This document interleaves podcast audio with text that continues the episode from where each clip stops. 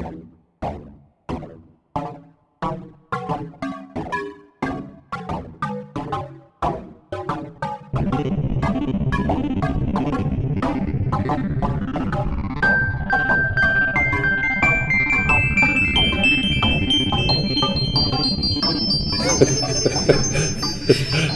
hej! Eh, det här är Akademipodden, Sveriges Unga Akademis podcast.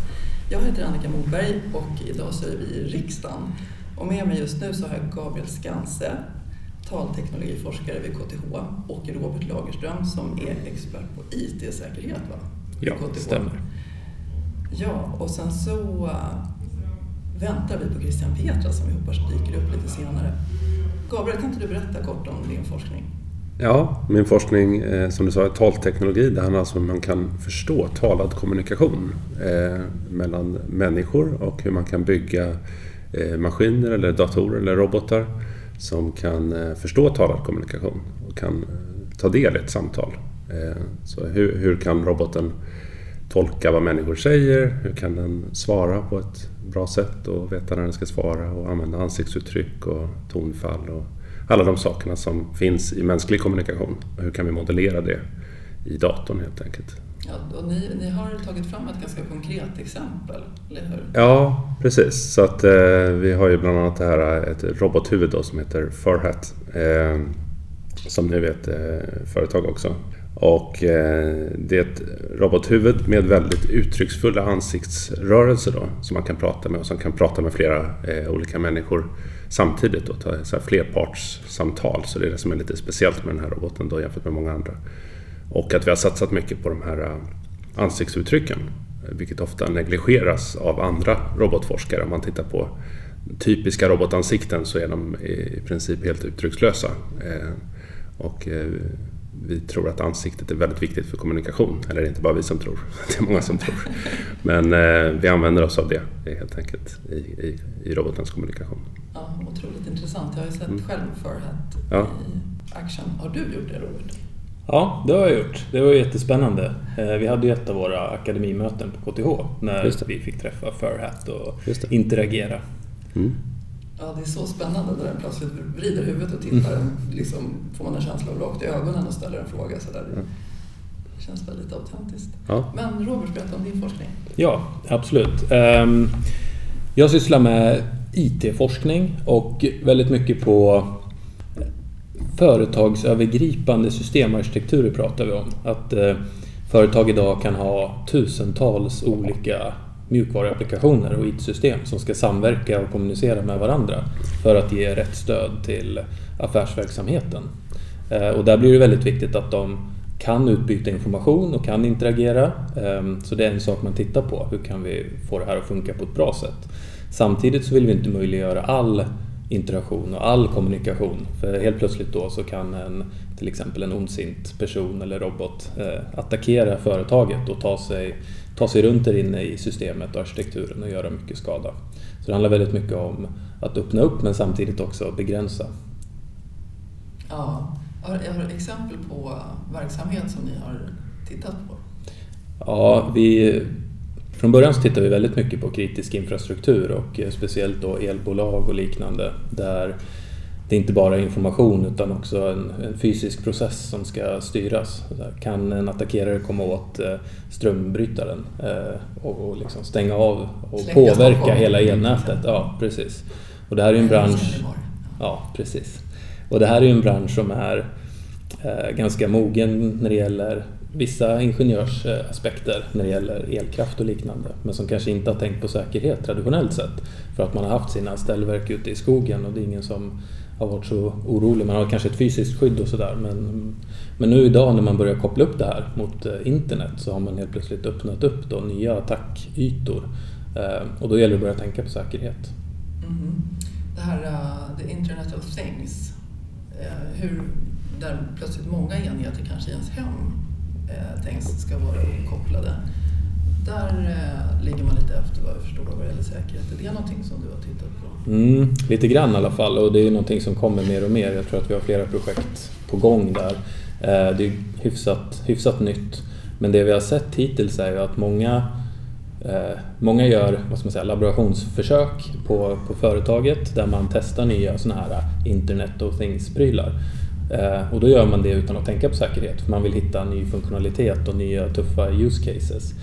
Sen när man märker att det här fungerar i den här labbmiljön då är man väldigt snabb med att oj, det här måste vi få ut på marknaden för att få en, en edge mot alla andra. Eh, och så glömmer man bort att så här, men vänta nu, vi måste också tänka på säkerhet innan vi trycker ut det på marknaden. Så man hoppar över det steget för att man har för bråttom. Det är det vi har sett. Eh, så jag tror att man behöver här sakta ner processen lite grann och tänka mer proaktivt när det gäller säkerhet. Nu, nu slänger man ut marknaden, sen upptäcker man säkerhetshålen och så måste man släcka bränder istället. Vilket eh, kan bli ganska jobbigt. Ja, och det är verkligen komplexa miljöer. Nu som du sa, att man har så många applikationer. Mm. Ja, men då går man ifrån att kanske ett företag har 2000 mjukvaruapplikationer. Sen börjar man koppla upp alla de här Internet of Things-prylarna och, och kanske till andra också, leverantörer och partners och kunder och liknande. Så går man upp till hundratusentals enheter istället. Så att det är en helt annan nivå av komplexitet som man måste hantera. Ja, ja vad heter det? Man skulle kunna säga då att ett gemensamt tema i era fält som eh, ni också lite grann tidigare tillsammans undersökt är ju kommunikation. Eh, kommunikation som flyter i konversationer eller eh, oönskad kommunikation. Och ni har ju också här i riksdagen tidigare mm. gett en sån här fika med forskare för riksdagsledamöter där ni har berättat om er forskning.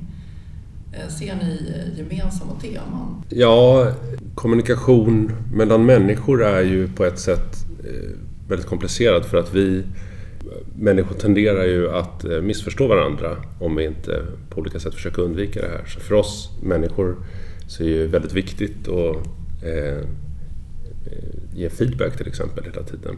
Eh, återkoppling. Eh, så att man förstår vad den andra har sagt och försöker visa för den andra. Så här har jag tolkat det du sa helt enkelt. Eh, och eh, där vet inte jag, inom, inom mer datorkommunikation så antar jag att den här typen av eh, bekräftelse också är, är någonting viktigt. Men där har man ju på något sätt ett mycket mer kodat språk liksom, mellan enheterna. Eh, så det språket som finns där är liksom fördefinierat. Medan språk mellan människor är någonting som hela tiden utvecklas. Så att man hela tiden kommer på nya ord till exempel när man kommunicerar. Och människor är väldigt kreativa i sitt sätt att kommunicera. Vi försöker vara så effektiva som möjligt. Så att eh, med så små medel som möjligt uttrycka så mycket som möjligt. Eh, och om det är någon vi pratar med ofta, eh, då försöker vi ju efter ett tag använda mer och mer ekonomiskt språk och hitta på nya begrepp och så vidare. Och då blir det mer och mer svårt för en utomstående att förstå vad det är vi egentligen pratar om, om vi, om vi känner varandra väl. Så jag antar att den typen av språk som vi försöker modellera är ju, är ju ett sådant mänskligt språk och det gör det också väldigt utmanande för datorn att försöka förstå ett språk som ständigt förändras. Det vore skillnad om vi bara kunde definiera en gång för alla. Det här är vad de här orden betyder och, så här ska de användas. Liksom. Men så fungerar det ju inte. Utan vi använder hela tiden på kreativt sätt. I, I en ny sammanhang så kan vi använda oss av ironi till exempel. På ett sätt som vi kanske aldrig har gjort förut. Eller ett, eh, skämta eller göra liksom, indirekta uppmaningar och så vidare. Det är ju en enorm utmaning för, för datorn. Medan i dator-dator-kommunikation så, så är det väl, handlar det om ett mycket mer fördefinierat språk. Eh, mm. Eller hur? Ja, nej men så är det ju. Eh, och där ser man ju ett annat problem då istället. Att om man gör någon miss i den här förkodade eh, i det här protokollet eller det här språket så är det någonting som kan utnyttjas. För då skickar man in information som egentligen inte skulle ha skickats in och då vet inte datorn hur den ska bete sig. Så det är en typ av attack mm. som man kan göra. Man hittar ett sånt hål. Att här har ni missat att, att just definiera något. Och då är ju andra sidan ofta väldigt dålig på att hantera det. Det finns mm. liksom ingen flexibilitet där. Uh, och det är mest syntax på något sätt som spelar roll. Uh, semantiken är mycket svårare att hantera. Där finns det jättestora mm. forskningsområden som försöker hantera det här. Det finns inget sätt för den att... Uh... Hej Christian! Nu, nu ansluter Christian Petras. Trevligt. Hej! Hej! hej, hej. Förlåt, jag ska strax eh, presentera dig tänkte jag. skulle bara höra färdigt Robert. Du pratade om eh, eh, när det kan uppstå misskommunikation för att man har missat i programmeringen. Mm. Ja precis. Jag var nog på väg att avsluta. Jag kopplade upp här med det Gabriel sa bara att här har vi människor kan hantera det här för de är flexibla och förstår att okay, nu, nu sa jag något knasigt, det ser jag på ditt ansiktsuttryck mm. eller det, det signalerade du till mig. Men det är ju datorer ganska dåliga på om inte vi har sagt åt dem att de just ska göra det. Och så fort man har missat att säga åt dem att göra något så blir det, blir det istället fel. Och det här utnyttjar ju just eh, attackerare. Man skickar in information som man vet att den här kan inte den här datorn hantera och så kanske man då släcker ner eh, elnätet. Ja, det är ju, ja, precis, det är ju det som man kallar för common sense, alltså att, som vi människor är så bra på. Att vi, om någon säger någonting så kan vi bedöma, är det här rimligt? Att han skulle mena det här? Nej, det är orimligt, så alltså finns det, menar han någonting annat. Eh, och det är väl det här eh, datorsystem som får en förfrågan gör ingen rimlighetsbedömning utan den utför bara helt enkelt det, det den får mm. eh, skicka till sig så att säga. Den måste följa sina instruktioner. Ja, precis. Ja. Hej välkommen Christian Petras. Hej. Eh, akademins ordförande faktiskt och eh, cancerforskare vid Lunds universitet. Och vi började för en liten stund sedan. Jag vet att du eh, varit fördröjd i ditt resande så du kunde ansluta ja. just nu. Har det gått bra? Det har gått jättebra. jo, både Robert och Gabriel kort presenterat sin forskning och det ja. måste ju du vara väldigt van vid det här dygnet tänker jag. Du har ju pratat både i TV och radio om dina senaste då. Ja, det har varit hektiska 48 timmar men eh, det har varit roligt. Det är alltid kul att få eh, prata om sin forskning för allmänheten. Eh, jag forskar om, eh, också om kommunikation men eh, hos celler. Så våra celler som bygger upp våra kroppar, hur de kommunicerar med varandra. Eh, och speciellt så gör vi detta i sammanhanget av sjukdomar som till exempel cancer. Och cancer består, eh, uppstår då genom eh, genetiska förändringar av eh, annars normala celler. Eh, och de här genetiska förändringarna leder till att eh, Eh, cancercellerna börjar dela sig okontrollerat. Men de senaste årtiondena så har vi lärt oss att de här cancercellerna kan inte göra det här på egen hand utan de behöver hjälp och stöd från sin omgivning. Man kan säga att de behöver en tillåtande omgivning. Eh, så de försöker på olika sätt övertyga sin omgivning om att hjälpa dem. Eh, och det gör de genom att kommunicera med sin omgivning. Våra celler kommunicerar dagligen, även den friska människan. Men i cancer så ligger det till grund för eh, själva sjukdomens uppkomst och fortsatta tillväxt och, hur den svarar på behandling. Så kan man fråga sig hur pratar celler? Eh, hur kommunicerar de med varandra? Och det gör de på en hel mängd olika sätt. Eh, celler kan skicka små kärnfulla meddelanden till varandra med en direkt adress till en annan cell genom att skicka signalmolekyler eller proteiner till varandra. Eh, man kan jämföra det med Twitter kanske. Ehm, men celler använder sig också av Facebook eller Instagram eh, genom att signalera sin status till eh, förbipasserande celler. Så de sätter upp små flaggor på ytan av sina celler för att berätta hur de mår eller om sina behov eller på olika sätt. Ehm, men celler tycker också om att ta på varandra. De eh, eh kramar varandra och sänder en budskap genom eh, eh direkt fysisk kontakt. Och slutligen så kan celler prata med varandra över ganska långa avstånd eh, med flaskpost. De kan skicka ut signalsubstanser eller proteiner, hormoner eh, i blodbanan och prata med andra celler som bor i andra organ långt borta. Exempel på det? Eh, ja, i fallet av cancer till exempel så vet man att tumörcellerna pratar med benmärgen för att försöka påverka immunsystemet eller påverka rekrytering av olika eh, andra sorters De infiltrerar alltså? Ja, de i alla fall eh, skickar eh, kodade meddelanden. ja, de skulle behöva Robert på plats där då. Men hur riktat är det här? Vet de att nu vänder jag mig just hit eller skickar de ut ett mass, eh, massmeddelande som de hoppas att någon ska reagera på Ja, det är intressant. Det, det kan nog vara båda strategier men, men ofta är det ganska riktat. Och man kan prata om att, att cellerna använder olika språk som bara förstås av vissa celler.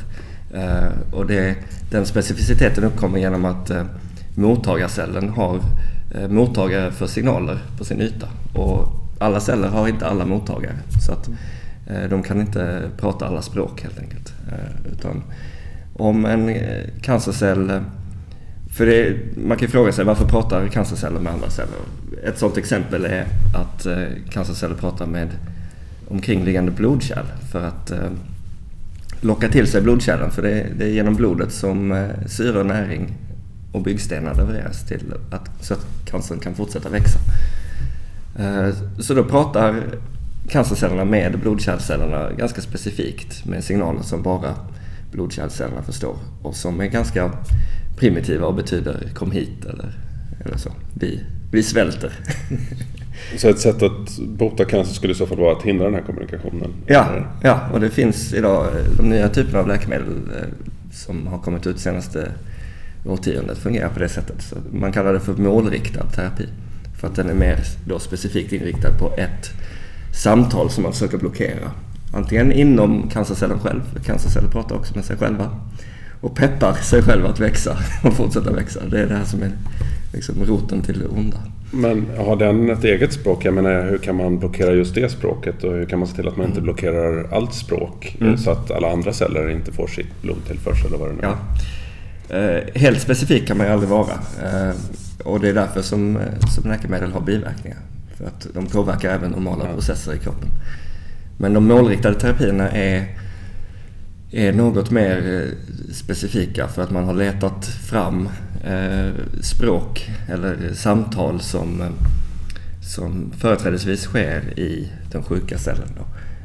Det här är samtal, det är ju inte, det är inte språk som, eller kommunikation som cancercellerna har hittat på själva utan det de har ofta använts de här kommunikationsvägarna under embryonalutvecklingen när vi utvecklas från, från eh, en äggcell till en liten människa. Eh, Och där spelar ju de här signalvägarna en väldigt stor roll och, och den här kommunikationen för att celler ska vandra till rätt ställe och de ska få blodförsörjning och de ska...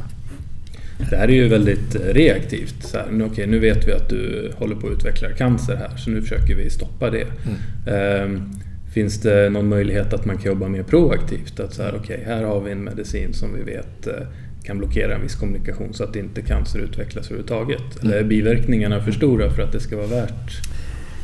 Ja, det, det är en jätteintressant poäng och vi borde säkert rikta in oss mer på prevention av cancer för där finns det massor att göra eh, som inte görs idag. Men, men eh, det är lite svårt att veta eller förutspå vilka signalvägar som kommer att aktiveras i en cancer för varje cancer är unik. Eh, en tumör som patient A utvecklar ser väldigt olika ut eh, den som patient B utvecklar. Och till och med inom samma tumör kan det finnas områden som ser väldigt olika ut. Men det man kan göra är möjligen eh, lite åt det hållet är att eh, eh försöka förhindra spridning av cancer. För att så länge cancern befinner sig på ett ställe där den bildas så kan vi ofta skära bort den med kniven Eh, operationer. Men det är den här spridningen ut i hela kroppen som, är, som dödar 90% av alla cancerpatienter. Eh, och där har man nu börjat hitta faktiskt eh, kommunikation med modertumören och det ställe i kroppen där en, där en, en ny tumör kommer att börja växa. Så att modertumören förbereder, kan man säga, den bäddar sin säng på ett annat ställe innan den skickar iväg celler som, som landar där. Och den kommunikationen skulle vi kunna försöka avlyssna och stoppa. Hur gör man om man avlyssnar? Hur tjuvlyssnar ni på? Hur tjuvlyssnar? Ja. Det gör vi ju genom eh, att ta olika sorters prover. Ofta tar man ett prov av tumören själv. Eh, Men det kan vara ganska besvärligt och förenat med en del komplikationer att eh, ta ett prov av en tumör i en lever till exempel. Det kan leda till kraftiga blödningar så. Så man försöker undvika det och, och man, kan, man kan försöka ta ett prov, ett blodprov och försöka hitta en signatur då av den här sjuka människan. Och rent konkret så tittar man på olika mönster. Eh, man vet ganska väl hur det normala mönstret ser ut eh, av proteiner som ska finnas i blodet eller vilka gener som ska vara uttryckta i en viss vävnad. Och sen jämför man med, med sitt, eh, sitt sjuka prov och försöker hitta då. Och det här är ju ett område som har utvecklats enormt eh, med den nya sortens, eh, nya generationens sekvensering där vi kan avläsa idag människans genetiska kod på ett par dagar. Vilket tog, det första genomet tog 10-11 år i ett jättestort eh, globalt projekt och idag kan vi göra det för runt 1000 dollar eh, eh, på ett par dagar. Um, och idag kan vi gå ner i så hög upplösning så att vi kan, vi kan lyssna på en enskild cell. Mm. Vad den pratar om. Uh, eller hur den mår. Mm. Det är ganska likt ändå. Jag tänker så här när vi pratar IT-säkerhet i ett företag. Om man ser företaget som människokroppen då. Uh, då finns det också någon sorts reaktivt arbete där man ser okej okay, nu är vi under Eh, Eh, attack här. Eh, någon har tagit sig in och vi ser det på något sätt och så försöker vi antingen då avskärma den här personen så att den inte kommer åt någonting som är kritiskt, alltså kundinformation eller elbrytarna eller vad det kan vara. Eh, men där försöker man ju också, vi pratar väldigt mycket om att man ska jobba mer proaktivt, för ofta när man har kommit så långt så är det för sent. Man upptäcker det alldeles för sent, de har redan gjort skada eller samlat på sig information. Man måste hitta sätt att ja, proaktivt då få dem att inte komma in överhuvudtaget. Ehm, men det är såklart, då finns det ju biverkningar där också. Ehm, då kan man inte sköta den kommunikationen som man egentligen skulle vilja ha för att elsystemet ska funka eller för att eh, kunden ska få sin information på bank, eh, mm. med bank-id eller vad det kan vara. Mm. Det känns som att det är väldigt lika frågeställningar. Ja. Ehm. Och när man, när man utvecklar robotar, hur mycket försöker man eh, få roboten att förutspå samtalets gång. Men vi människor kan ju ganska lätt veta åt vilket håll ett samtal är på gång och man kan börja fundera på liksom, nästa argument eller nästa... Jag tänkte på det, ja. du måste tänka så mycket på hur folk pratar. Liksom. Ja, det är väldigt svårt att prata och tänka på hur folk pratar samtidigt. så man får lite grann göra antingen eller. Jag tänkte på det, för du, det är så mycket mänsklig kommunikation som du säger. Ja. Har du blivit mer uppmärksam på konversationer? När du kanske ja, ut lite och så? Ja, det får man ju göra i så fall och det är lite tråkigt om man sitter i ett samtal. Eh, men vi gör ju, det man gör är ju att man spelar in samtal. Så det är ju bättre att sitta med ett inspelat samtal och lyssna på. Och då kan man lyssna och pausa och, och sen eh, annoterar man då vad det är som händer egentligen i samtalet och försöker förstå hur det går till. Det går för fort helt enkelt ett samtal för att kunna reflektera över det i realtid. Eh, man måste sakta ner lite grann och se vad var det som hände här egentligen. Någon nickade eller någon hummade eller någon, någon gjorde någonting eller gjorde en inandning eller vad det nu kan vara för någonting. Eh, allt det där, det är för mycket på en gång helt enkelt för att man i realtid ska hinna reflektera över det helt enkelt. Eh, och framförallt är det ju så olika så att det är ju om man tittar på ett samtal så kan man få en bild av att det är så här det fungerar. Men sen så kanske två andra personer beter sig på ett annat sätt. Så vi försöker ju, det är det som är lite speciellt med, vi har ju ett mer om man jämför med traditionell lingvistik eller eh, psykologi, psykolingvistik och så vidare så kommer vi från ett tekniskt perspektiv. Så vi använder ju väldigt mycket tekniska eh, datavetenskapliga metoder i våra analyser. Så vi kanske, vi kanske tar in tusen samtal istället för fem samtal. Och sen kan vi analysera och så kan vi testa statistiska modeller och se håller vår hypotes om vad som händer och kan verkligen testa det på stora datamängder. Eh, för det är väldigt lätt att förledas när man tittar på några få exempel eh, av hur det faktiskt eh, går till. Alltså, psykologi, lingvistik, vad står det för? Ja, psykolingvistik, alltså discipliner där man traditionellt sett intresserar sig för, för språk och kommunikation. så har man ju, det finns ju olika konversationsanalys och så vidare.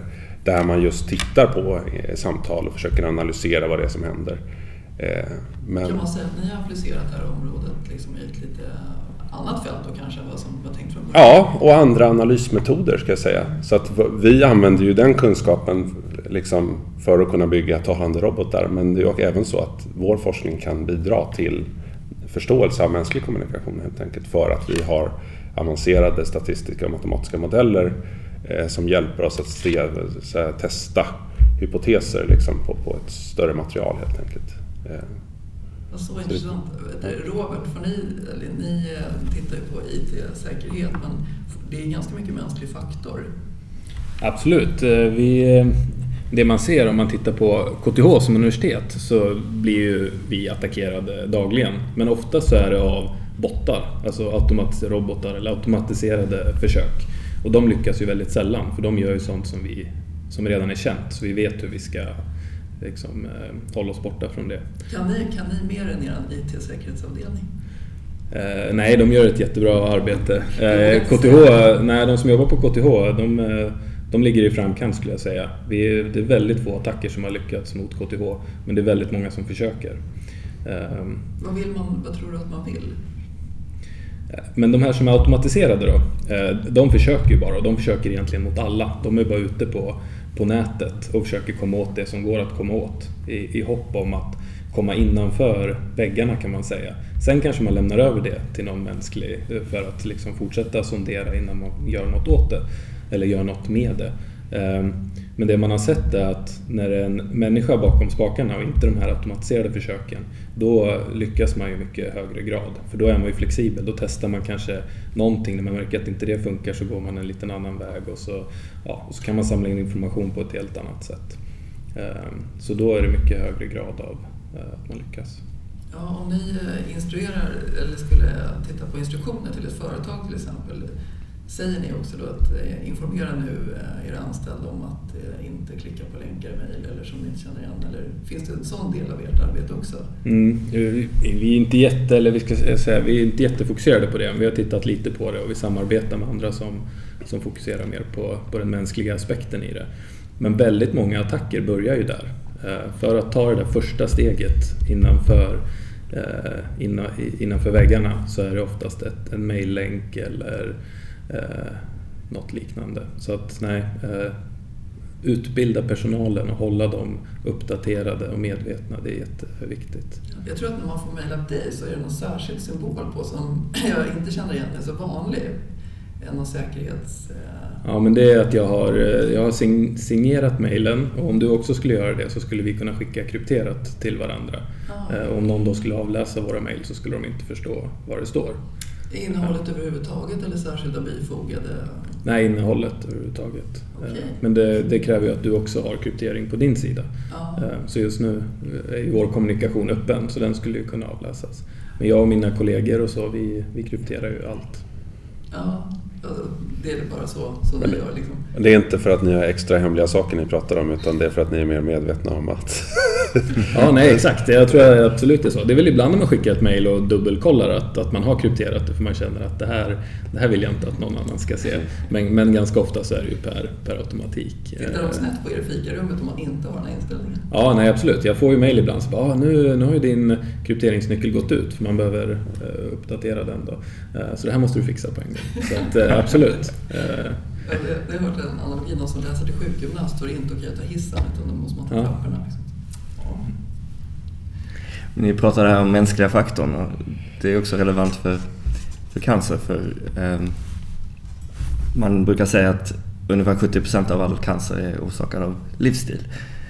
Eh, det kan vara hur vi lever eller hur, vilken miljö vi lever i eller, eller så. Eh, men nu har det kommit eh, några väldigt prominenta forskare som har börjat ifrågasätta det där och fråga sig om inte cancer helt enkelt handlar om otur. Eh, att eh, det helt enkelt bara beror på hur många stamceller man har i, i ett organ och hur snabbt de delar sig.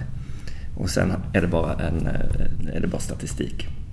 Men sån sak som rökning och sådär är väl ganska uppenbara, eller? Ja, det kan man ju tycka. Så att de har ju fått en del mothugg.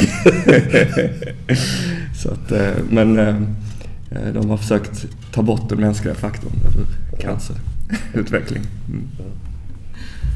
Ja. Jo, vad heter det, Robert? Visst har ni, eh, jag har för mig att du gjorde någon gång alltså en analogi mellan hur man försöker stänga ut fysiska inbrottstjuvar med hur man testar säkerheten i system. Kan inte du berätta om det? Ja, vi, eh, I våra metoder vi jobbar med något som heter attackgrafer. Och det är ett sätt att modellera hur en attack går till. Så om målet är att göra inbrott i ditt hus, då försöker man komma på sig, okay, men vad, vad kan man göra? Man kan antingen bryta sig in genom ett fönster eller eh, in genom dörren. Men för att kunna komma förbi dörren då måste man först ha access till den. Man måste stå utanför dörren. Sen måste du antingen ha nyckel eller så kan du använda en yxa eller så kanske du kan eh, dyrka upp låset. Då kan man sätta in lite olika försvar där. Då kan man säga så här, om jag har en ståldörr, ja då kan man inte använda yxan längre. Det tar mycket längre tid. Eh, eller om man har ett väldigt avancerat eh, kodlås eller något, då är det svårare att hitta en, en nyckel eller dyrka upp det. Du måste kunna koden till exempel. På samma sätt så bygger vi upp sådana attackgrafer över IT-infrastrukturen. Där vi säger att okej, okay, den här typen av attack, eh, den kan man göra på det här sättet och då kan man ha de här försvaren. Gör man det för sitt hem, då, det, det kan vi alla resonera över för det är ett ganska begränsat område. Vi vet ungefär hur inbrottstjuvar kan ta sig in och vi vet ungefär vad vi vill skydda också. Har vi jättevärdefulla saker så kanske vi lägger dem i ett bankfack eller en del har ju egna eh, kassaskåp och sånt hemma. Eh, och andra har inte. Eh, så. Men man kan resonera över det på ett helt annat sätt. Men på ett företag som har som hundratusentals saker som de vill skydda och 2000 IT-applikationer. Liksom, det blir mycket svårare att resonera. Ingen person kan, kan göra det. Så där måste vi försöka automatisera det här på ett helt annat sätt. Eh, ofta när man, om jag är ute och tittar på ett företag så har de gjort jättemycket bra säkerhetsarbete på, en liten, på ett litet hörn där de tror att här är det viktigt. Men så glömmer man en, en, en öppen port så att kommunikationen är helt tillåten precis bredvid.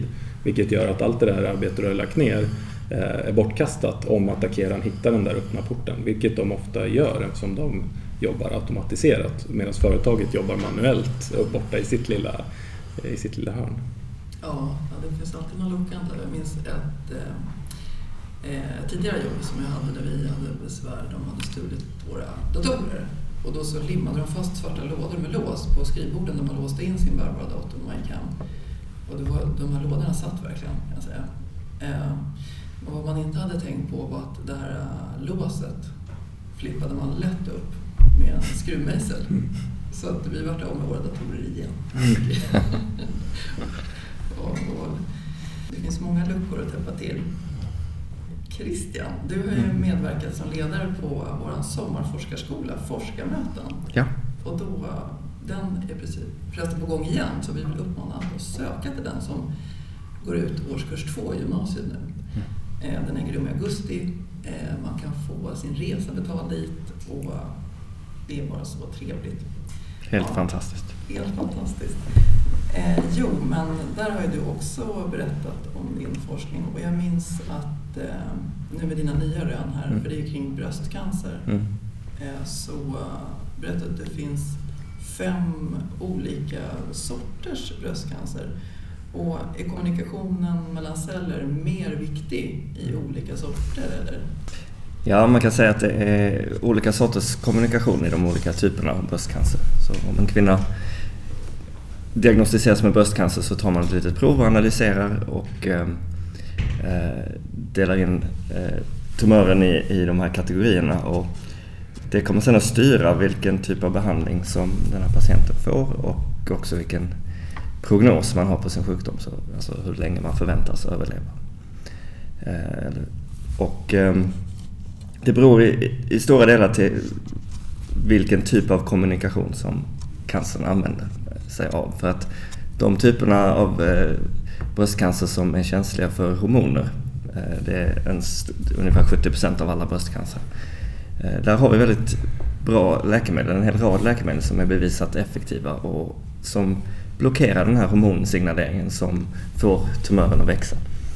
Eh, så de kvinnorna har en förhållandevis god prognos och, och sjukdomen är eh, lite mindre aggressiv.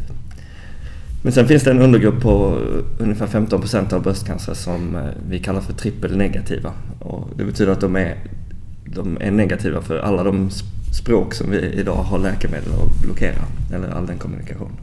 Så att um, där har vi väldigt lite behandlingsalternativ, eller få behandlingsalternativ. Och sjukdomen är också ganska aggressiv i sig. Ehm, så de här kvinnorna erbjuds idag eh, ganska höga doser av cellgifter. Ehm, cellgifter är ju en typ av läkemedel som inte beror så mycket på kommunikation eller språk utan de dödar alla celler som delar sig i kroppen. Och det är också därför man får så mycket biverkningar. För man tappar håret för att den eh, hudcellerna i kroppen delar sig. Man tappar, eh, eller i hårsäcken, förlåt.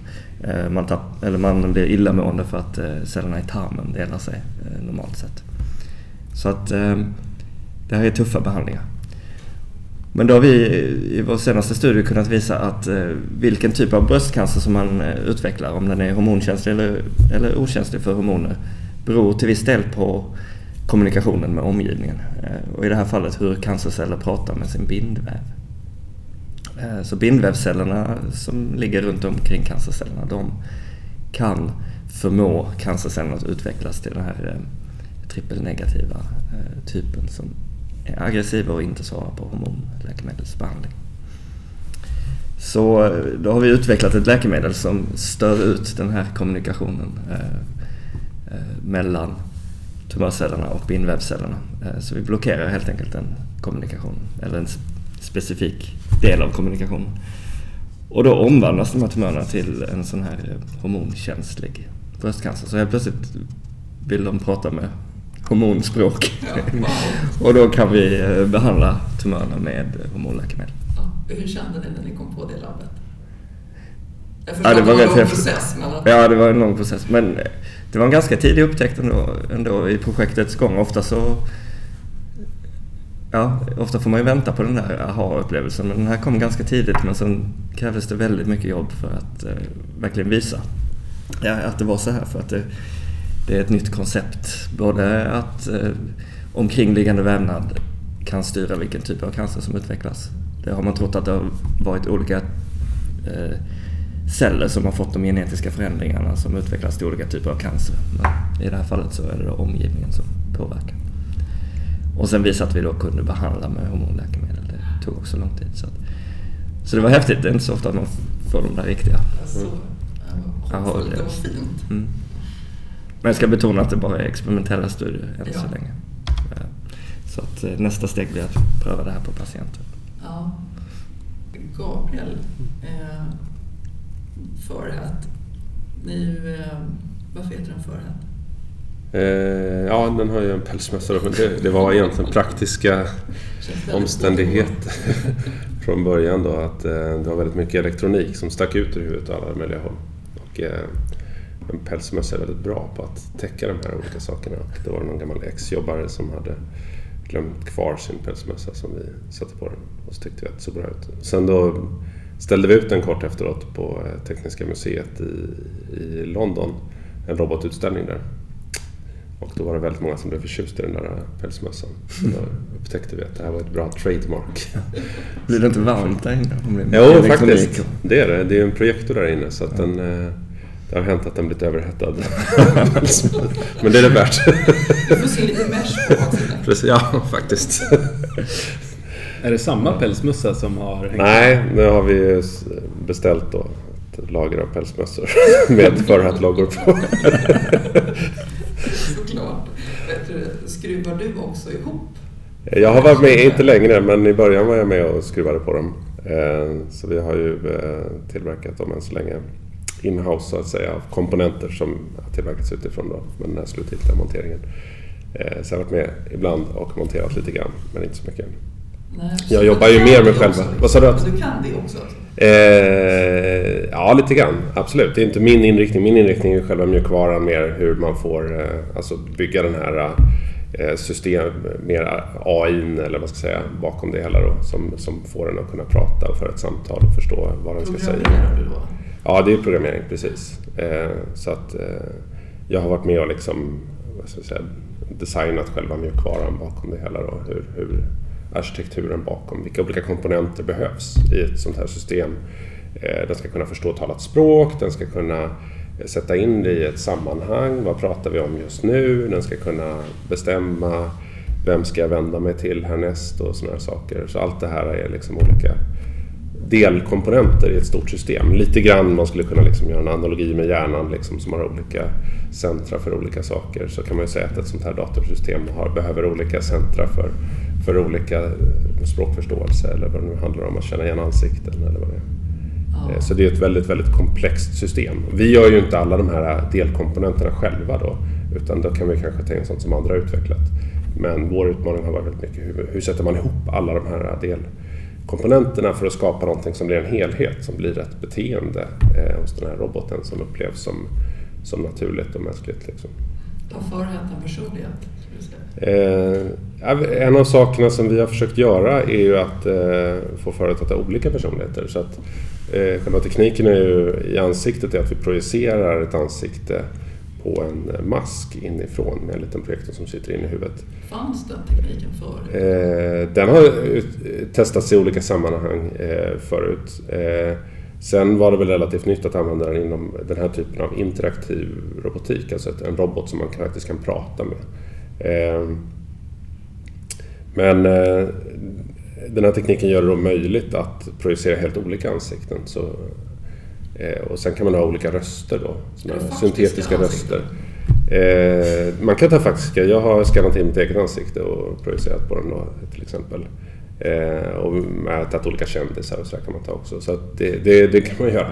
Eh, men det gör ju att han kan byta personlighet mitt i ett samtal till exempel om man skulle vilja.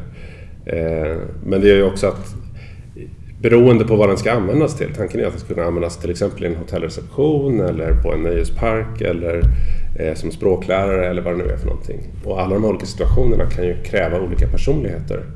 Eh, det kan ju vara passande med vissa personer, personligheter i vissa sammanhang och andra personligheter i andra sammanhang. Och vi har även jobbat med någonting som heter eh, där vi försöker Eh, simulera verkligt mänskligt beteende eh, har ett projekt där vi försöker bygga en, eh, en simulerad patient för att träna psykoterapeuter. Eh, så då ska föraren bete sig som om den har något eh, psykiskt eh, problem då och då ska den här psykoterapeuten då som utbildar sig ska försöka prata med Förhat och få Förhat att öppna upp sig och eh, berätta om sina problem genom att ställa rätt sorts frågor. Då. Eh, så att det blir ett träningsredskap på så sätt. Eh, och då är det också jätteviktigt att Farhat kan eh, få den här personligheten. Liksom. Ett annat projekt som fått personligheten av en Alzheimer-sjuk människa. Var det enklare att programmera? ja, det behöver ju inte komma ihåg så bra. Men, men nej, det är det ju inte egentligen. Det är ju svårare egentligen för att, att skapa en... Då, då vill du ju att till att den verkligen känns ännu mer eh, mänsklig. Liksom. Om jag ska försöka sätta mig in hur det är att prata med en sån här person, då måste vi verkligen komma nära ett sånt beteende. Eh, jämfört med en hotellreceptionist behöver ju egentligen inte bete sig precis som en människa. Liksom. Eh. Hur tänker ni med, med säkerheten där? För det måste, om de här robotarna ska finnas ute i samhället och hjälpa människor och så, så kommer de ju att bli attraktiva mål för att hacka och liksom ja. ge fel information och sådär. Absolut. Det är väl inte någonting vi har prioriterat och det är väl precis som du säger, säkerhet liksom, kommer långt ner. Först försöker man lösa alla andra problem och sen kommer säkerhet långt ner men det är definitivt jätteviktigt. Jag menar, det man kan göra är ju, och vi har ju byggt roboten för att man ska kunna eh, logga in i roboten och vara och bli roboten. Eh, det kallas för telepresence. Mm. Så att om du har en robot stående någonstans då kan jag logga in i den och börja styra vad roboten säger. Så allt det jag säger kommer ut ur robotens mun. Eh, och jag kan se via en kamera allt det som roboten ser. Så det är så du har utvecklingssamtal med dina doktorander? Eh, ja, men, det, men det finns väl idag, eh. har man sett på olika företag, så här, folk som har avatarer på jobbet ja, när de jobbar precis. hemifrån. Ja, precis. Nej, det, jag har hört andra robotforskare som har sagt det. Det är någon professor i Japan som har, han leder doktorander över landet och han då har sin robot-avatar då på olika ställen som man kan vara närvarande och ha sina handledarsamtal. och det är inte ett otänkbart scenario om, man nu, om roboten blir tillräckligt, liksom kan åter, återge allt det som jag återger och jag kan uppleva situationen. Jag kanske har VR-glasögon eller någonting, så för mig upplever jag det som att jag verkligen sitter där eh, och då blir den här roboten så att säga. Eh, så att det, är inte ett, det är inte ett helt otänkbart framtidsscenario. Att vi... Man kanske måste vänja sig också för att inledningsvis så skulle det nog kännas väldigt kanske opersonligt. Eller, eh, men att vi kanske lär oss och vänjer oss precis som man har gjort att ha möten med varandra på distans via Skype och sånt där. Så kanske man... Ja, och där är ju en sak att ett, alla vet ju som har, speciellt om man har sådana här flerpartssamtal via Skype. Det är ju hopplöst. Mm. Eh, man vet inte vem det är som pratar, man vet inte vem som ska prata härnäst och man liksom, det är allmän förvirring. Eh, men eh, skulle man ha en sån här robot i rummet som skulle vara närvarande eh, då skulle man uppleva mycket, mycket tydligare vem, alla sådana här saker som en turtagning, vem, vems tur är det och, och så vidare, vem är det som pratar. Det skulle vara mycket lättare. Jag funderar på, det var någon studie som fick lite uppmärksamhet i, i media här i veckan där en, en robot då skulle spela ett datorspel och sen maximera antalet poäng. Men istället då för att följa reglerna så hade den hittat buggar så att den kunde fuska sig till en massa poäng och ja. på, så sätt då vara ännu bättre. Finns det någon risk liksom att Furhat också kan börja fuska för att på något sätt maximera det ni vill att den ska göra? Alltså att den går förbi det ni hade tänkt? Det beror på vad förhets... Om vi placerar förhet... Det beror alltid på vad man ger den för mål. Vad är det du ska uppnå för någonting? Och det finns en sån skräck inför AI att, eh, generellt att man, be, man ger den ett mål att optimera och sen tar en massa genvägar som vi inte hade tänkt på som åsamkar massa skada för att uppnå det som vi har talat om att den ska uppnå så att säga.